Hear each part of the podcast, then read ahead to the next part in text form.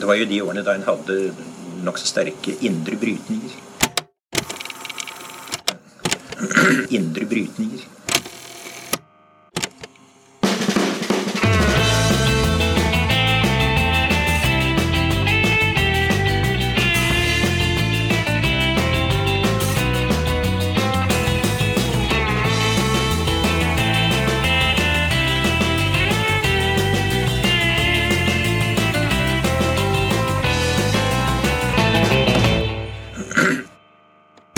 Velkommen til Noen har snakket sammen. Mitt navn er Tiril Rustan Halvorsen. Og jeg heter Aksel Fjellavli. Som vi snakket om eh, forrige episode, så er demokratiet under angrep eh, i Ukraina. Eh, men det skjer også ting i India som gjør at det er mulig nå å stille spørsmålstegn ved om vi kan kalle landet eh, verdens største demokrati lenger. Ja, og nylig så har det kommet ut en bok om dette på Respublika forlag. Og disclaimer helt først, først, det er jo også en del av samme selskap som eh, Agenda Magasin som gir ut denne podkasten her, så har vi sagt det. Uansett, eh, boka heter eh, 'India på vei mot hindunasjonalisme', og det er skrevet av eh, dere to, Elisabeth Eide og Terje Skaufjord. Velkommen til podkasten, begge to. Tusen takk. Dere er jo, eller Elisabeth, eh, du er eh, forfatter, journalist og tidligere professor. Og eh, Terje, du er også forfatter og tidligere lektor og historiker.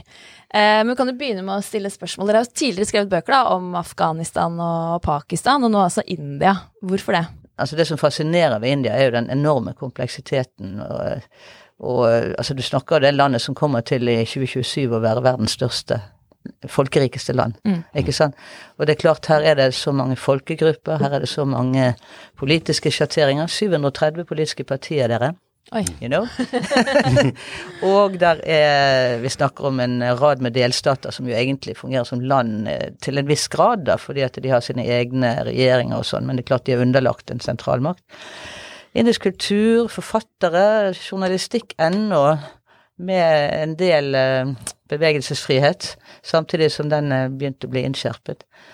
Men altså fascinasjonen er jo også de flotte menneskene vi både kjenner og har kjent opp gjennom eh, de eh, over 30 årene vi har forholdt oss til India. Menneskerettsforkjempere, journalister, kvinneaktivister osv. Økologiske aktivister. Store tenkere. Mm. Alt dette. Ja, for dere har reist i India, besøkt uh, ulike steder og over, en viss, over et visst uh, tidsspenn. Men eh, det er akkurat nå boka kommer. Er det en grunn til den eh, timingen? Ja, vi må si at Modi, da han kom til makten i 2014, så så hadde vi jo Jeg Vet ikke om vi hadde planlagt å skrive noen bok, men vi hadde, hadde liksom syslet litt med ideen da etter og nettopp skrevet om eh, to andre land som har eh, grepet oss og fascinert oss, og som vi har bodd i Afghanistan og Pakistan. Så, så har vi også bodd i, India. og kom i en periode i 1991 der det skjedde utrolig mye på en gang, både innenfor økonomi, men også innenfor uh, opprør i Kashmir og, og i Nordøst-India, og uh, store endringer i landet, og også den bevegelsen som vi snakker om, skriver om, som da førte til at den Ayodhya Moskeen i Ayodhya ble revet i slutten av 1992, som jo var en kjempeseier for uh, uh, Modi og hans folk, og som India har ikke vært det samme etter det. Ja, for i dag så er jo da Narendra Modi, Modi statsminister i, i, i, India. Kan du eh, si litt om hvem han er som eh, Hva slags karakter er han?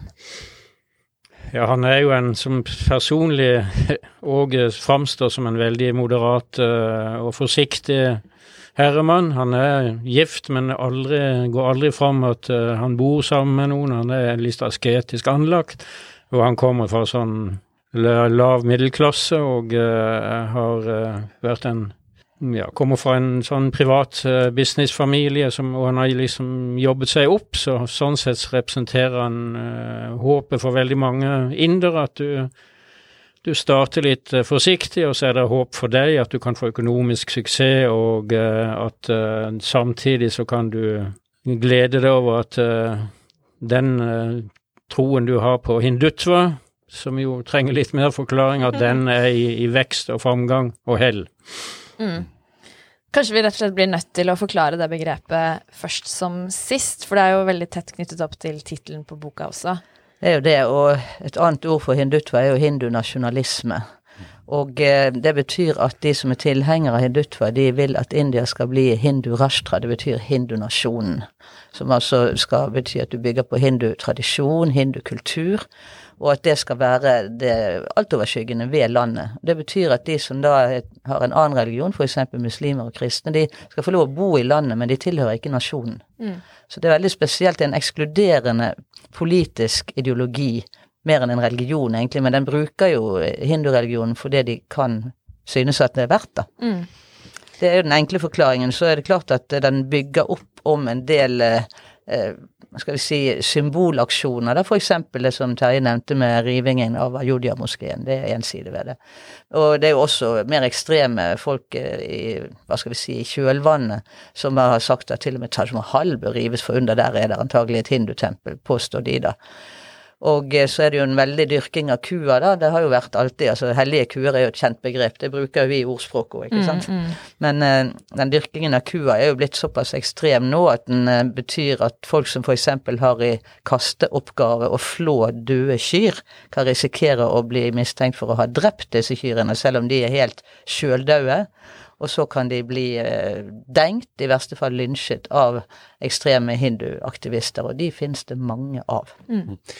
Kan man forstå denne vendinga mot hindut, hindutva, eller hindunasjonalisme, som Altså, i hvilken grad er det liksom et veldig sånn særindisk fenomen? Du beskriver jo en del, en del trekk som for meg i hvert fall høres ganske særindiske ut, men samtidig så slår det meg at dette skjer jo samtidig som det er en vending i retning av nasjonalistiske bevegelser i mange land i verden. altså man kan uh, se trekk ved det med liksom han-nasjonalisme i Kina, man har europeiske høyrenasjonalistiske bevegelser osv. Er, det, er det en del av denne trenden, eller er det liksom noe veldig eget indisk?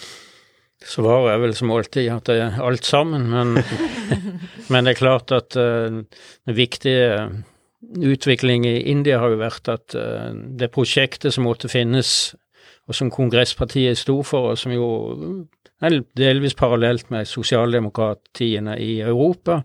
At det stagnerte, og eh, det som samlet folk, og følelsen at det var økonomisk vekst, at India inntok stadig nye områder, så ville alt det forvitret ettersom kanskje Kongresspartiet ble involvert, som mange andre steder, i korrupsjon, og eh, at mm. denne dynastiet som styrte Kongresspartiet, folk ble lei av dem.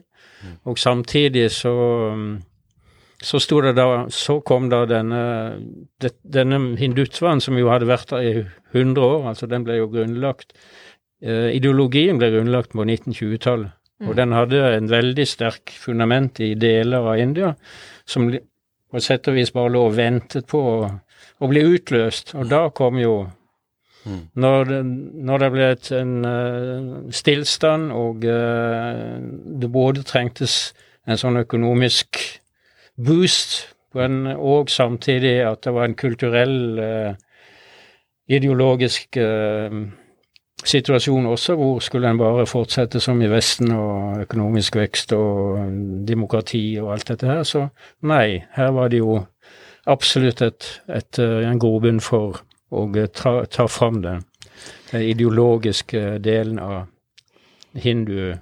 Mm. Det går jo an å knytte det også til eh, det som en snakker veldig mye om i norsk offentlighet, nemlig identitetspolitikk. Mm. Altså vi kan snakke her om en identitetspolitikk delvis da styrt eh, politisk fra oven i form av da partiet BJP, men også i høy grad en bevegelse nedenfra i form av disse svære masseorganisasjonene som organiserer seg og støtter eh, regjeringen eh, i mangt og mye, men som går litt lenger, da, og som regjeringen innimellom blir tvunget eh, av anstendighetsgrunner til å ta avstand fra. Mm. Men er det Modi som er liksom den første, fremste representanten for hindutva nå, eller er det andre karakteraktører? Det er vel andre som er tydeligere. Han Modi må jo balansere litt, grann, mm. sant? Han har jo allierte rundt om i delstatene. Noen steder styrer de alene, andre steder styrer de sammen med andre partier, f.eks. Men denne Nei. oppsvingen, kommer det med han, eller er det andre årsaker? det er klart at det hjelper jo å ha noen med regjeringsmakt, for da kan du lettere f.eks. begå store forbrytelser mot minoriteter og gå straffritt fra det. Mm.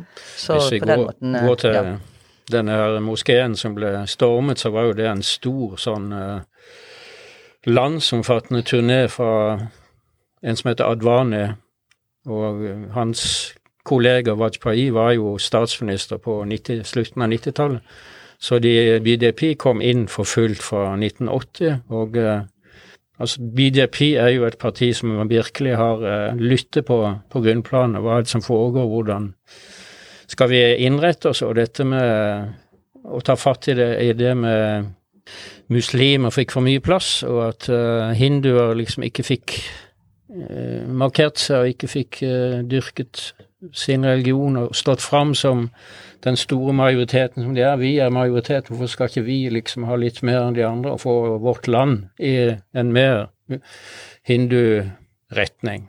Så når han Advani tok denne turen, så var det jo hundretusener som møtte opp i relativt små byer og jublet med safanflagg. Og uh, denne turen skulle da ende ved Ayodhya-moskeen, hvor kanskje noen millioner skulle da møte opp, men så ble den turneen stanset i en annen delstat av en mer uh, ikk-anti sånn uh, Som ikke var for BDP, og så i stedet for så ble det da RSS og disse bygde opp til at dette skal vi gjøre på egen hånd. Mm. Og så samlet de hundretusener som da stormet og i løpet av noen få timer fjernet en hel moské, og uh, dermed hadde de nådd sitt første mål, nemlig at her skal det bygges en, eh, et tempel etter guden Ram, mm. og det tempelet bygges nå. Må de nedla grunnsteinen for et halvt år siden. Mm. Bare så, jeg, bare så, jeg, forstår eh, på en måte motstykket her til venstre, om det går an å si det, det er kongresspartiet. Er det også sånn å forstå at altså, de uh, har jo også eh, hvis jeg forstår det riktig, eh, vokst fram på en form for nasjonalisme, altså med uh, at man, India ble en selvstendig stat uh, osv., men at den nasjonalismen er mer en sånn type sekulær, nesten sånn fransk opplysningstidaktig nasjonalisme. Ja, det er ikke så dumt sagt, for Og du kan også skille mellom, slik som noen av de store tenkerne i India gjør, Amartya Sen som et eksempel, eh, mellom nasjonalisme og patriotisme. Ja. Men eh, det viktige ordet her er jo sekularisme. At India ble jo grunnlagt som en sekulær stat under eh, Jawaharlal Nehru, som altså den første statsministeren i det frie India. Det er klart at når du kjemper mot en kolonial makt, så er du jo avhengig av å ha en patriotisk eh, enheter. Mm. Og in, den enheten inngikk jo til dels også en del av disse hindufundamentalistene, selv om eh, noen av de var ganske vaklende i forhold til mm. britene, som vi har dokumentert i boken da. Mm. Men her er det jo også eh, etter hvert eh, et parti som på sitt sett og vis graver sin egen grav, eller brekker litt ryggen, da, fordi at de har fortsatt å la denne, hind, denne Nehru Gandhi, altså datteren til Nehru, eh, Indira, hun eh, giftet seg med en Gandhi, og det er ingenting med Mahatma Gandhi å gjøre, for å si det sånn. Mm. Men eh, siden det så er det blitt Nehru Gandhi-familien, da. Og det er jo nå ledd nummer fem i denne familien som sitter med, i ledelsen ved roret i, mm. i, denne, i dette partiet. Og det er klart at det er veldig lettvint og greit, og også berettiget å beskylde dette partiet for å være styrt av et dynasti, og ikke av folk som er valgt eh, fra grasrota i partiet, sånn som det må de sies å være. Mm. Så Det er jo en del av det. Og så er det diverse korrupsjonsanklager og sånt mm. noe.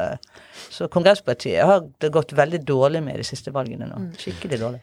Bare en liten sånn oppklaring, nå kom du jo litt inn på det, men jeg tror ikke vi har helt sagt liksom Kongresspartiet er da partiet til da Nehru og, og Gandhi, som mange har hørt om før, og så er det da BJP, som er partiet til Modi. Og så nevnte du RSS, som ikke er et parti, men kan du si kort hva det er for noe? Ja, altså RSS er det som ytterligheten kan si at det er en litt forvokst speiderbevegelsen, og andre sier at det er en rendyrket fascistisk organisasjon. Og uh, uansett så er det i hvert fall en uh, organisasjon med mange millioner medlemmer med ganske sånne uh, Ja, noen trekk fra speiderbevegelsen i den forstand at de har uniformer og uh, trening, fysisk trening og, og bruk av sverd og stokker og osv. Og, og uh, en veldig klar ideologisk oppfostring med, med, liksom vekt på Både vekt på gudene, på de indiske mytene og fortellingene, som jo er kjempeviktige. De etablerer seg overalt. Det er veldig lett å etablere en sånn RSS-gruppe. Så etablerer de seg rundt omkring og har lokal um, sånn lokale folk som, som, kan være sånn hyggelige. altså Det kan være litt sånn Lions Club-aktig, nærmest. At de deltar i byens ve og vel, men samtidig så, så, bygger de altså I en annen sammenheng så kan det være sånn undergruppe av RSS som er sånne stormtropper, altså som er eslet for å gå til aksjon hvis de hører om en uh, muslimsk mann som har uh, fått en hindukjæreste mm. og oppfatter det som tvilsomt, og så, så møter de opp og angriper huset, stormer inn og, og, tar med seg denne jenta, og den gutten eller familien kan jo utsettes for hva som helst. Så det er de to ytterlighetene innenfor RSS. Mm. Mm. Det er jo veldig maskulinitetspreget òg, da. Altså, de dyrker jo en bestemt eh, nokså tøff maskulinitet, og historisk så har jo de hatt innflytelse fra Mussolinis svartskjorte. Altså, de dyrket jo på 2030-tallet delvis idealene til Mussolini, så en skal ikke glemme den roten heller, da. Mm. da etter å ha lest eh, boka, eh, så er det jo En ting som sitter igjen, er jo her er det fryktelig mye vold. Det er nesten så jeg tenker sånn Oi, det burde vært sånn aldersgrense for å, for å lese her. Her er det beskrivelse av på en måte voldshendelser som jeg nesten overraska over at jeg ikke har hørt om før, eller ikke har liksom tatt inn over meg før. Det er liksom så omfattende og dramatisk. Og så lurer jeg på hvor, hvor mye av dette er liksom sånn religiøst, ideologisk drevet, og hvor mye kan knyttes til eh, jeg vet ikke, strukturelle forhold ved det indiske samfunnet som er andre ting enn det? Alt sammen igjen, kunne jeg nesten si. Det er klart India er jo det landet i verden med flest fattige, det skal vi ikke glemme. Og veldig mange av de fattige finnes selvfølgelig i storbyene, men også på landsbygda. De fleste indere bor ennå på landsbygda, og det er jo der også RSS bygger sine små grupper, ikke sant. Og eh, det er klart at uh, disse gruppene blir Altså, de får en fysisk fostringsopplæring som er Altså som har veldig sånn sterk agitasjon. Og så er det Så noe av dette er gammelt og historisk, men noe er også veldig moderne, fordi at de er jo djevelsk dyktige, hvis jeg får bruke det uttrykket, eh, på sosiale medier. Mm. RSS eh, har 60 eh, 000 WhatsApp-grupper. WhatsApp er jo det store mediet der, som de bruker til å spre falske nyheter. Og falske nyheter, det vet vi jo fra andre samfunn, og kan føre til stort raseri. ikke sant? Stor opphisselse over tenkt urettferdighet. Altså det man tror er urettferdighet. ikke sant? Og det er nok med på å hisse opp folk mye. Og det er klart, hvis du er fattig og ikke har så mye å tape, og samtidig får innpodet en spesiell identitetspolitikk altså jeg vil si, Det er klart det religiøse spiller en rolle her. Der er mye emosjoner rundt uh, alle religioner, ikke sant. Mm. Men i et samfunn hvor du både har en stor grad av fattigdom, du har kastediskriminering som er ganske brutal, og du har eh, et politi som eh, ikke nøler mye med å heve langkøllen eller det som verre er, så, så, så kan nok opphisselsen eh, ofte bli sterkere. Mm. Mm. Altså det er et land med på landsbygda føydale trekk, og vi vet jo også fra europeisk historie at uh, den type veldig store forskjeller på folk med hvem som eier, hvem som ikke eier, hvem som jobber for uh, eieren osv. Og, så og uh, i tillegg da har kastesystem, ikke sant, så, så, er jo noen mennesker rett og slett verdiløse sett fra elitens side i, i, deler av det indiske uh, jordbrukssamfunnet. Og det, mm. dette fører til veldig mye vold. Og så kommer da den religiøse miksen inn, som jo Her kan vi trekke inn det store imperiet Storbritannia, som raskt så hvordan de kunne utnytte dette. Og uh, mange har hørt om det store myteriet fra 1857, som jo var et opprør, og uh, Og ikke et myteri. Ikke et myteri, og da Det også, men uh, da fikk uh, muslimene fikk skylda da, fordi de var de som gjorde mest opprør, og engelskmennene skiftet da taktikk med å sånn lean up og assosiere seg litt nærmere med, med hinduene, og fra 1857 så så har du hatt uh, massakrer i hovedsak mot uh, muslimer, da, fordi mm. at uh, det oppsto som et historisk resultat av dette, kombinert med at det er jo konkurranse mellom muslimer og daliter. Altså på nederst på rangstigen så har de for så vidt konkurrert om både jobber og, og, og klare seg i tilværelsen. Mm. Og en god, en som god maktpolitiker, han vil jo se det potensial og splitte de mot hverandre. Mm. Og da kan han i neste omgang lansere en massakre hvor han får med seg de dalitene, kanskje, som egentlig ikke kanskje ville vært med, men de blir det. Og så får du Mm. en av mange massakrer som du sikkert også Ja, men det, det, kanskje du, leste om. men det du sier nå, er jo på en måte helt forrykt. Det å si at man lanserer en massakre. I hvilken grad tar de ledende politikerne i India avstand fra de massakrene som har skjedd? Jeg kan jo nevne i Modis egen hjemstat, eh, Gujarat, eh, i 2002 som et godt eksempel her. Altså for eh, Der var det jo også altså det had, Forhistorien var at det var et tog med en, noen hindunasjonalismer som var på vei hjem fra Ayodhya. Og så på en eller annen måte brant eh, den jernbanevognen eh, noen og 70 hinduer satt i. Og det er veldig eh, motstridende versjoner om hva som skjedde, om det var muslimske aktivister som hadde kastet noen brannbomber, eller om det var noen kokeapparater som eksploderte, eller hva det var. Det er eh, konkurrerende rapporter, som det ofte er. Men ettervirkningen av det var da at i byen Ahmedabad, som var den største byen, og er den største byen i Gujarat, så gikk altså da hinduekstreme grupper til løs på eh, på muslimer, altså som ikke hadde noe med dette å gjøre, uansett hva man ellers skulle tro. Og der eh, varierer tallene riktignok mellom 1000 og 2000 muslimer ble drept, eh, hjem ble brent, og kvinner ble voldtatt, og ja, og der eh, Noe av den avskyeligste volden er jo skildret eh, også i forbindelse med det, da, blant annet en av tidligere kongresspolitikere fra parlamentet som ble lemlestet grovt og så drept mens eh, døtrene hans ble voldtatt. Altså, dette har ekstra, Og der deltok jo altså da disse såkalte uberørbare dalitene, noen av de, altså noen grupper av de var mobilisert inn her. Fordi at eh, ja, det å splitte og herske, det er jo noe som kan gå helt til bunnen av samfunnet. Og det, i dette tilfellet så greide da hindunasjonalistene å, å få det til. Og Modi satt uh, stille i båten, og uh, ordensmakten grep ikke inn. Og det er jo et veldig grovt eksempel på, på den volden, og, og på for så vidt hvem som initierte massakren. Du har jo Nord-Delhi i det året vi kom til India sist, da, i 2020, ikke sant, hvor, eh, hvor vi vet eh, at navngitte eh, hindunasjonalister er oppildnet til å gripe inn og, og angripe eh, muslimer som hadde protestert mot de nye borgerskapslovene. Mye mindre målestokk på den massakren som skjedde der, men like fullt eh, veldig mye ødeleggelser av muslimskeide biler, hjem og forretninger. På vei mot internasjonalisme heter jo boka. Man skulle, eller hvor langt har på en måte, Hva er oppslutningen om, om denne dreiningen i India? Hvor langt har det kommet? Man skulle jo tro at sånne massakre skaper en viss motstand. Samtidig så kan vi lese i, i boka at det reises nå statuer over uh, Mahatma Gandhis drapsmann. Altså Det høres jo ut som det har gått ganske langt. Det er jo ganske ekstreme grupper som står bak akkurat det, da, men de har eh, mange folk rundt seg, sånne små grupper.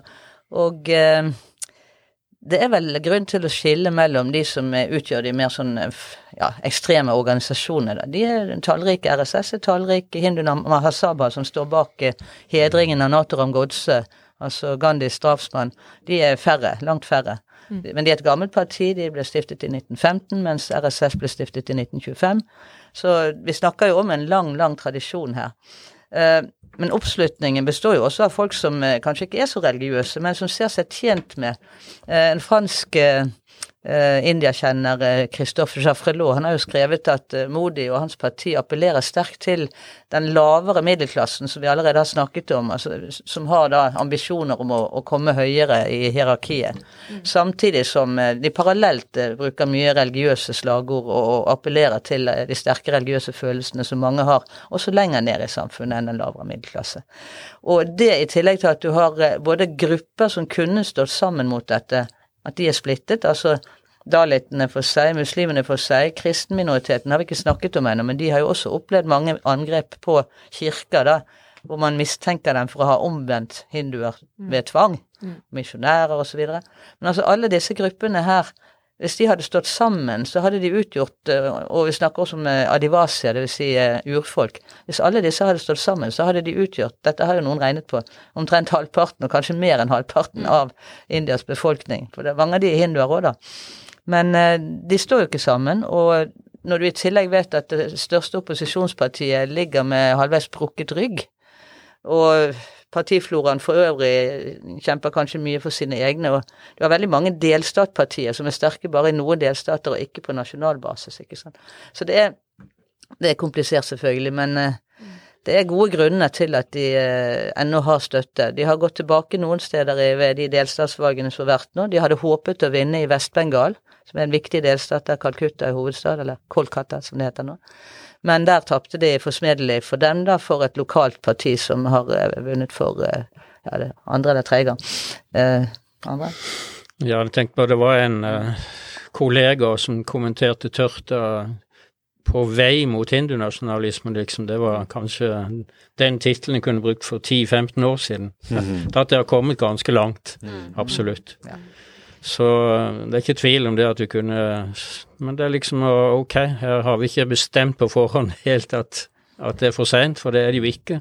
Vi har også tenkt på um, Noen har kanskje lest Le Monde Diplomatikk, siste nummer, hvor Kera, valget i Kerala, ikke sant, hvor de to kommunistpartiene eh, fikk rent flertall, eller fikk sammen fikk eh, flertall med et lokalparti, og eh, Kongresspartiet da det konkurrerende partiet der fortsatt, og BJP er et lite parti. Så den type delstater fins faktisk ennå, og det er områder av India som ikke de har klart å, å få et ordentlig eh, press på BJP. Så um, Men på nasjonalt nivå, hvor, hvor ligger liksom den realistiske veien unna en sånn hindu-nasjonalistisk fortsettelse eller framtid, litt avhengig av hvordan man Det eneste store nederlaget Modi hittil har møtt, det er jo etter bondeaksjonene. Og det var en veldig svær og, ja, på sett og vis for de som misliker misliker hindunasjonalisme, en veldig lovende aksjon, da. Det handlet jo om at regjeringen Modi hadde foreslått tre lover som skulle liberalisere økonomien, spesielt på landbruksnivå, da, og landbruket er jo det er jo det meste av India, og som Gandhi sa en gang, at Indias sjel fins på landsbygda. Så disse lovene her provoserte veldig mange bønder, fordi at det ville gjøre det vanskeligere å få minstepris for produktene, vekk med markedsreguleringer og slike ting. Og de begynte å aksjonere, og bønder har aksjonert før i India, langt tilbake i tiden også, men eh, dette er kanskje en av de største aksjonene i nyere tid. De kom fra nærliggende eh, delstater, ikke minst fra Punjab hvor du har hatt store grønne revolusjonen. Og de kom til Delhi, og de beleiret jo deler av eh, hovedstaden. Og, og de var der i ukevis og i månedsvis. Og de var på turnus, sånn at eh, noen kunne ta seg av dyra og markene til de som eh, var og demonstrerte. Altså de gikk litt sånn på omgang. Mm, godt Og- organisert. Ja, og til slutt så måtte faktisk, og jeg tror det var litt i forkant av valget i den største delstaten her, Uttar Pradesh, så, så var nok BJP litt redd for å lide nederlag hvis de hadde stått knallhardt på disse reformene, så de bøyde av. Og eh, det var jo en stor seier, men det som uavhengige og eh, Modi-kritiske kommentarer har sagt, så var jo dette et veldig lovende, men viktig nederlag, eh, som kanskje man kan bygge videre på da, i form av andre eh, opprør. da. Dere kjenner kanskje til den boka til VS Naipaul som heter 'India Million Mutinies Now'. Den leste vi da vi reiste til India i 1991. Men altså, den er jo veldig aktuell nå, for det er massevis av større og mindre opprør rundt i landet. Og dalitene begynte å organisere seg bedre, protestere mye. Og det finnes jo kvinneaktivister som er aktive, og, og ikke minst eh, menneskerettsorganisasjoner. Men så har du da setback med Amnesty, som altså ble frosset ut av India, og som ikke kan fungere i India lenger. På grunn av at eh, kontoen deres ble sperret og sånn. Ved valget i 2019 så ble det jo sagt at BDP kan godt komme til å tape. Altså de ble jo valgt først i 2014, og så var det nytt valg i 2019. Og grunnen til at de kommer til å tape, det er fordi at det har gått dårlig med økonomien. For det, det har jo vært gjengs i India å si altså hvis økonomien går bra, så, så blir de gjenvalgt. Men de ble gjenvalgt, til tross for at den økonomiske løftene til BJP ikke ikke hadde blitt oppfylt med, med reell politikk eller med suksess.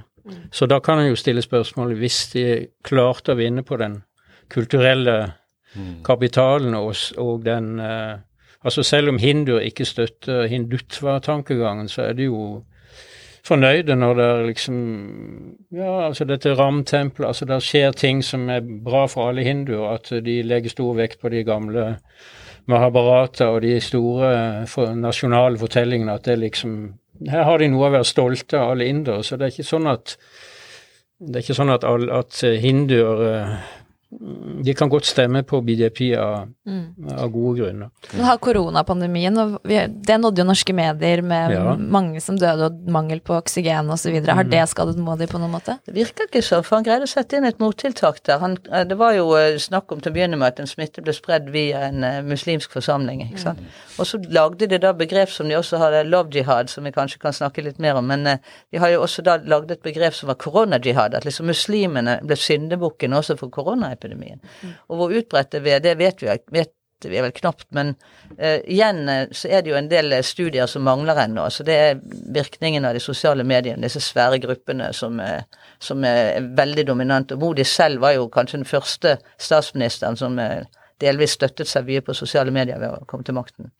Så hva de har gjort av løgner mot muslimer og kristne, hva de har gjort av løgner for å hausse opp Modi, det, det står en del om, vi har en bok om eh, noe av dette, men eh, det er veldig mangslungent, altså. Så vi skal ikke glemme disse moderne Jeg tingene tror fattige folk og dårlig sykehusvesen osv., så, videre, så vet jo ikke lokale hva døde vedkommende av, ikke sant. De kjenner, altså de kjenner ikke godt nok til det. Sånn at uh, i det lange løp så er det ikke sikkert at koronaen er vesentlig som, som begrep og som politisk sak for, for veldig mange folk. Mens vi leser jo mediene hvor det flyter like Ganges og katastrofale tilstander osv., så, videre, så så registrerer de, fattige at vedkommende døde. Det har ikke vært noe likskue, og eh, vedkommende blir brent, og ingen vet riktig hva som skjedde. Så eh, selv koronaen har ikke vært nok til å ta livet av, BDP. Eh, Det som dominerer nyhetsbildet i Norge om dagen, er jo naturlig nok eh, krigen i Ukraina, som jo kan eh, måtte tolkes og forstås på, på mange måter, men det er jo også et uttrykk for en geopolitisk verdensorden der eh, det ikke er bare USA som styrer showet, men også andre som ønsker makt, og som bygger opp militærmakt, og som bygger seg opp økonomisk. Eh, og det samme kan man jo kanskje si om India. Eh, hva, tenker dere om India sin geopolitiske rolle, gitt det vi har sagt om utviklinga i retning av hindunasjonalisme? Mm, De kommer jo på sett og vis litt i skyggen av den store rivaliseringen mellom USA og Kina, som jo eh, pågår i Sør-Asia, altså i forbindelse med Taiwan og USAs eh, basepolitikk i den delen av verden. Men når det er sagt, så er det klart at også Kina og India rivaliserer. De har jo en felles grense. Og de kjemper i tynn luft både mot Pakistan og mot eh, Kina i eh, sånne svimlende høyder, 5000 meter over havet. ikke sant? Så har de sånn militære trefninger og oppbygging. Det er artig at du skulle stille spørsmålet, for akkurat i dag, eller i går, så hadde, var det et eh, møte på relativt høyt nivå mellom Kina og India, hvor eh, man tok til orde for at nå må man bilegge en del stridigheter og roe ned. For det har vært eh, militær oppbygging og, og stridigheter om områder eh, langs grensene. Ja, for det har vel vært eh, bokstavelig talt slåsskamp på bare nevene mellom eh, India og Kina for et års tid siden. Ja, Bare vottene, Ja, ja. kanskje sier. For dette, jo da, det er helt riktig. Og vi har jo sett også hvordan de bruker sine allierte, at Kina allierer seg med Pakistan. Og har bygd da en eh, stor uh, dypvannshavn, sikkert egnet for ubåter eh, i det sørlige Pakistan. Der har vi vært på besøk, blant annet. Og så har India faktisk iallfall på et visst nivå alliert seg med Iran og bygd en tilsvarende havn der nokså nær den pakistanske grensen, men på iransk side.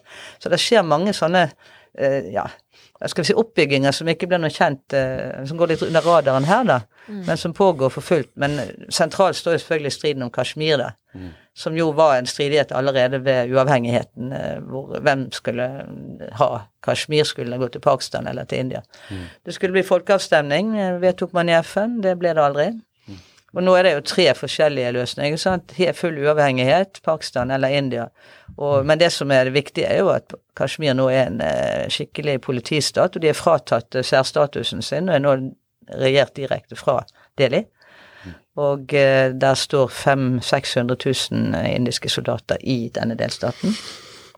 Vi la vel merke til at, at India ikke støttet resolusjonen i Eller støttet støttet i Sikkerhetsrådet, så gikk de eh, mot å kritisere Russland. De stemte blankt? Eller Blankt. Ja, av blankt. eh, Ja, de stemte blankt, og de var ikke blant de de De fem, fem. som stemte for nei. Men eh, samtidig som de eh, hadde en sånn stemmeforklaring som gjorde at Som liksom sa at de de var ikke helt fornøyd med dette. Men det er klart at uh, India har jo en lang tradisjon å samarbeide med, med Sovjetunionen tidligere, og Russland senere, spesielt på våpen uh, og strategiske ting. Samtidig som de også har handlet og holdt kontakt med USA, så de har liksom aldri vært de, Det er typisk India at de aldri er på én side. De, de, de, oppfatter seg selv med stor selvtillit som en aktør, mm. og dermed så, så stilles de ikke bare på én sin side.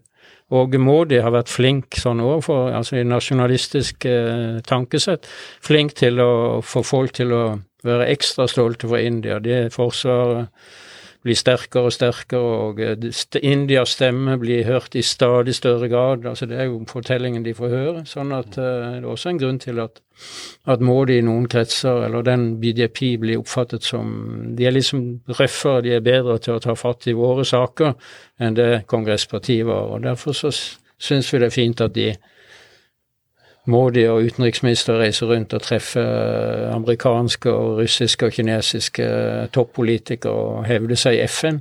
Og Kashmir er jo en, den suverene seieren der at de En betent FN-sak, ikke sant, hvor det var en egen komité som satt og, og, jobbet med dette her, og Norge hadde offiserer, eller flere land, sånn som Norge hadde offiserer og soldater i Kashmir det var jo et stort spørsmål. Så plutselig så hadde India bare bearbeidet sine motstandere og tilhengere i FN, og så sier de at nei, vi, Kashmir er kun et indre anliggende, og nå fjerner vi den spesielle statusen som Kashmir har hatt historisk. Nå er det bare et territorium underlagt Delhi. Mm. Punktum finale. Mm. Ingen protester. Ikke USA, ikke Russland, ikke engang Pakistan forsøkte seg fordi at de så at her er dette Så det, det er jo et eksempel på en stor uh, selvtillit. Mm. Litt sånn avslutningsvis, da. Hva er Eller hvordan ser dere veien, eller at Modi har tenkt å ta neste skritt da, på veien mot hindunasjonalisme? Hva både lovverk, eksempel dette som vi så vidt var inne på med love jihad, ikke sant, hvor de har vedtatt lover nå i ja, fem, seks, syv delstater som gjør det til en kriminell handling og eh, liksom kjærlighet med en person fra en annen religion. I lovverket står det ikke noe om at det er muslimer der og hinduer der, men det står at hvis en eh, liksom på en kjæreste over den religiøse barrieren, så er det helt sett med regler som kommer inn, med at du skal til den lokale, lokale notarius publicus, og du skal forhøres, og familien osv. Så, så det er en sett med regler som kan, kan dreie seg gjerne, i verste fall, hvis de over et par år, og i mm. mellomtiden så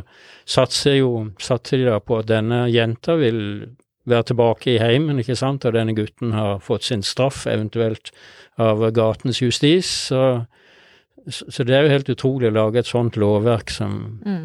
som gjelder en så spesiell sak som i i mange land så kan det, det vil jo være til og med i Norge at noen ja, skal du gifte deg med en muslim, det kan noen si det også, men vi har ingenting av, av det som skjer i India, hvor mm. det er bokstavelig talt livsfarlig å holde på med sånt. Ja, så det er også på en måte mm, For én ting er identitetspolitiske og falske nyheter og den retoriske biten av det, men det skjer også undergraving av demokratiet via en, mm. lovendringer og sånne, sånne ting.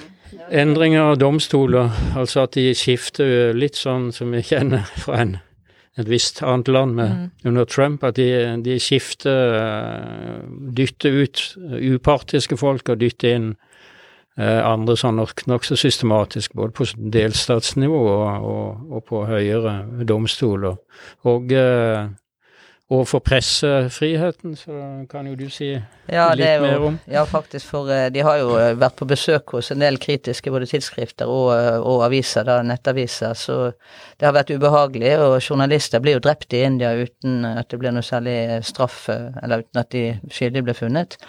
Men det andre som er viktig å nevne, er jo den revisjonen av historien som pågår og pågår og pågår, og som betyr at uh, Altså, de har lagd en uh, kommisjon på statsnivå nå hvor uh, det ikke er en eneste muslim med, det er ikke en eneste fra stammefolk eller urfolk, det er ingen kvinne. Altså, det er en ren høykastet hindukommisjonen som liksom skal styre hvor, hvordan historien skal skrives framover. Det er jo ganske stygt. Ikke Også- minst bakover. Ja, og ikke minst bakover. Og så bare ett til for lovverket. Det gjelder jo også kuslakt. Altså det er Flere delstater har nå forbud mot slakt av kuer. Det er klart at kristne og eh, også daliter og eh, muslimer de har jo spist eh, den typen kjøtt, men nå kan de risikere å bli drept eller eller iallfall sterkt eh, lemlestet hvis de blir mistenkt for, dette, mistenkt for dette. Og der er det sånne små ekstreme grupper som er blitt gjort til, eh, utnevnt til dyrevernsvoktere, og som kan da gå løs på folk som er mistenkt for dette. Så det, her går loven hånd i hånd med eh, å utnevne, altså fra delstatsnivå, ekstreme grupper til å håndheve den, og det er skummelt. I hvert fall eh, verdt å lese seg litt opp på indisk historie, så man klarer å, å følge med. Og da er deres bok eh, et veldig godt sted å begynne, og for så vidt også denne episoden, vil jeg si. Eh, Terje Skaufjord og Elisabeth Eide, tusen takk for at dere kom til Noen har snakket sammen. Takk for at vi fikk komme.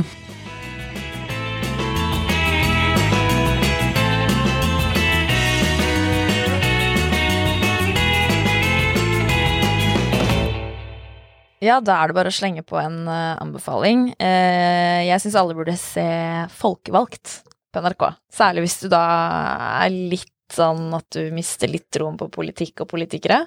Kan jo hende innimellom at noen føler på det. Men her får man håp. Her får man håp både på vegne av politikere og på den unge generasjonen, og veldig sånn uh, fint å se at det faktisk betyr noe, at de faktisk bryr seg. Mm. Så, ja, konseptet er at man følger unge folkevalgte fra hvert parti frem mot valget som var i høst. Mm. Mm. Så det anbefales veldig.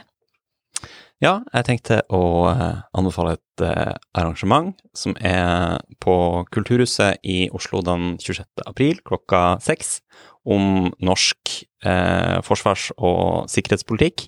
Um, Litt og- aktuelt. Ja, eh, absolutt. Og det er litt sånn Hvor går venstresida nå i forsvars- og sikkerhetspolitikken etter mm. invasjonen av eh, Ukraina? Så det er et arrangement i regi av Tankesmien Agenda og Norsk offisers- og spesialistforbund. Spennende. Eh, det er bra. Da snakkes vi igjen neste uke. Det er vi.